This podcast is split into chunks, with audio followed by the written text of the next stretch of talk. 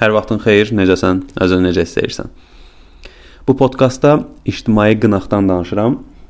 Hamımız zaman-zaman müəyyən qınaqlara məruz qalırıq.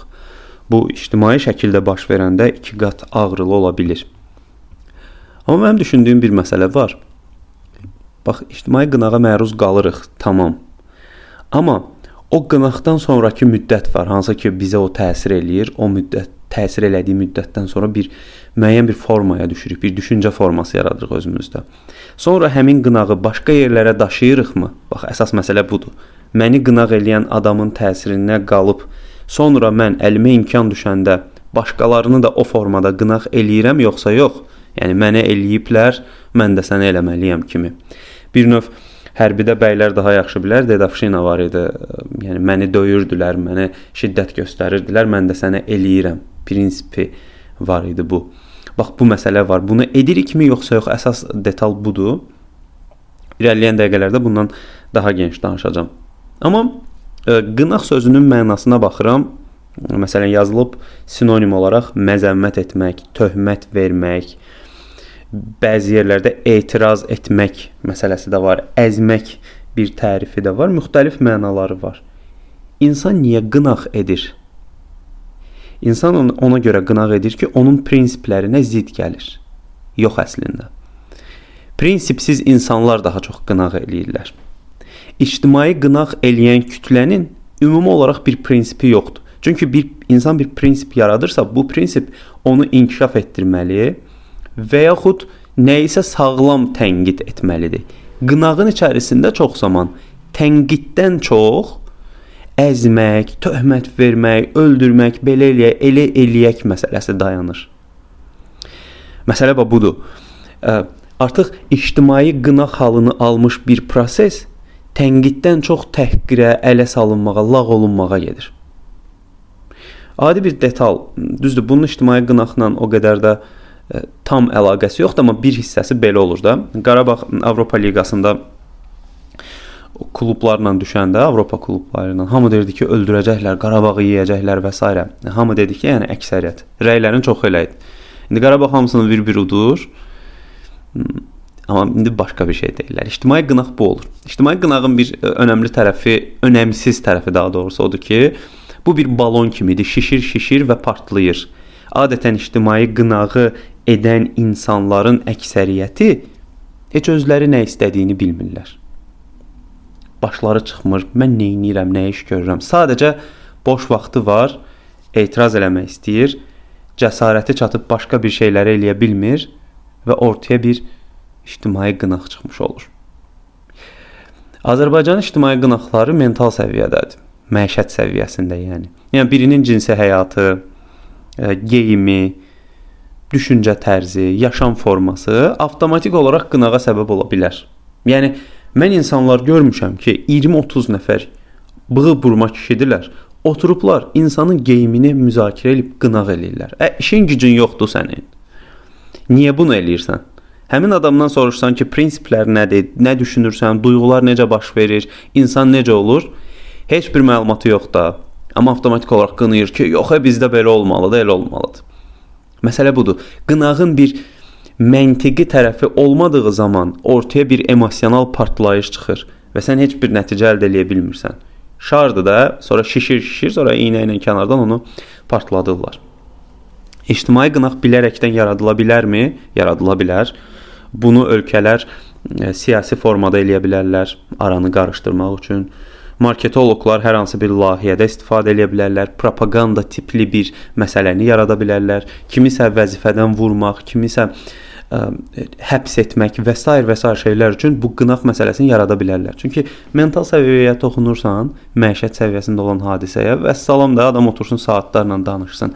Yəni bir adam bir qadının ə, geyimindən və ya bir kişinin düşüncə tərzi, yaşam forması, geyimi də ola bilər. Bunu götürüb saatlarla danışırsa, deməli o çox boş bekar bir adamdır və bunu kütlə eləyirsə və bu e bu edilən şeyin adı ictimai qınaq sayılırsa, demək ki, burada düşünməli olan məqamlar var.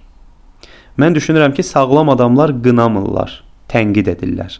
Tənqidlə bağlı bir də podkast paylaşmışdım ki, tənqidin içərisində müzakirə var, təklif var, razılaşmama var, analiz etmək var, mədəni şəkildə baş verən proseslər var. Amma qınaqda bunlar yoxdur. Qınaqda ağzına gələni danışırsan. Yəni bir növ belədir də, ağzına gələni danışmaq qınaq sayılır. Mühakimə etmək sayılır. Ağlına gələni danışmaq isə tənqid sayılır. İnsanı inkişaf elətdirən tənqiddir. Sağlam dediyimiz tənqid budur. Qınaq isə çox zaman bayaq dediyim məsələlər kimi palaza bürünüb ellə sürünürsən. El qınağı, cəmaət nə deyər, filan şey belə və s. və s. şeylər. Qınaq anlayışına diqqətlə fikir versən, insanların məişət həyatından kənara çıxmır. Görmüsüz ki, kütlə nə zamansa məmuru qınasın, ortaya çıxartsın və buna qarşı məntiqli bir etiraz eləsin. Olmayacaq. Amma birinin qızın geyiminə görə yekə-yekə kişilər düşüb ortalığa, ağ birçəklər düşüb ortalığa saatlarla danışa bilərlər. Çünki niyə? Deyəcək məmurun pulu var. Mənə məhv eləyər. Lazım deyil. Mənə lazımdır bu. Amma həmin o qız və yaxud qınanılan oğlan onu eləyə bilməyəcək axı. Asan yerə qaçır da. Eləyə bilmir onu. Məsələ budur. Qorxur. Keçən dəfə bir e, videoya baxıram. Bir məhəllədə narkomanlardan danışırlar. İnsanlar toplaşıblar. Çoxlu adamlardır da. Deyirlər ki, anamıza, bacımıza sataşırlar. Ə, nə bilim, qızların boynundan səpi oğurluyurlar, cibinə girirlər, çantalarını oğurlar və s. Sonra evi göstərirlər ki, bax bu evdə olur hamısı, narkomanların hamısı bu evdədir, burdan çıxır və s. Belə etiraz eləyirlər. Məsələn, tutaq ki, rahatlıqla e, qadınlardan səpi oğurluyurlar, çantanı oğurluyurlar deyə bilirlər, amma rahatlıqla toplaşıb həmin evdə olan adamları çıxarıb polisi də çağırmırlar ki, gəl tut apar bunları. Yəni qınayır ümumi olaraq ki, bu pisdir. Amma işə gələndə eləmir onu. Məsələ budur. Çünki narahatdır axı. Daxildə bir sıxıntı var. Məsələ budur. Amma başqasının şəxsi həyatına müdaxilə etmək çox rahatdır. Çox qəribədir. Məsələn, Azərbaycanda əl işinə o handmade dediyimiz şey, əllə düzəldilən əl əməyi bu bir, sonra zehni əmək, əqli mülkiyyətə çox da qiymət verilmir. Ona görə müəllimlərin əl işi edən yaradıcı insanların zəhməti hədər gedir. Çox da bunu ciddiyə almırlar və ən ucuz, e, ən dəyərsiz bir şey kimi görsənir bu həmin bu əqli mülkiyyət vasitəsilə baş verən proseslər. Amma məişət həyatı ilə bağlı olan məsələlərdə görürsüz insanlar çox uğurlu ola bilirlər. Məsələn, toy müğənnisi daim toydan gəlir qazanan bir müğənni və toy biznesi deyirlər də artıq buna. Oradan rahatlıqla pul qazana bilir. Amma e, bir akademik akademik fəaliyyətlə məşğul olan müğənni, əməkdar artist, xalq artisti və s. və s. kimi səviyyə fərqi olan müğənnilər o qədər qazana bilmirlər. Yəni sən əslində həyatını məişət səviyyəsində qurduğun zaman biznes tərəfdən də uğurlu olursan. Qınaq tərəfdən də uğurlu olursan. Çünki sənin qınağın da məişətdən çıxmır. Biznes dediyin anlayış, əslində o biznes deyil də alverdir. O da məişətdən kənara çıxmır. Və məişət səviyyəsində olan hər şey uğurlu alınır. Qınağın da uğurlu alınır, gəlirin də uğurlu alınır. Bax Görürsüz məsələlər hamısı zəncirvari formada bir-birinə necə bağlıdır və nəticə etibarilə ortaya nə gəlir çıxır?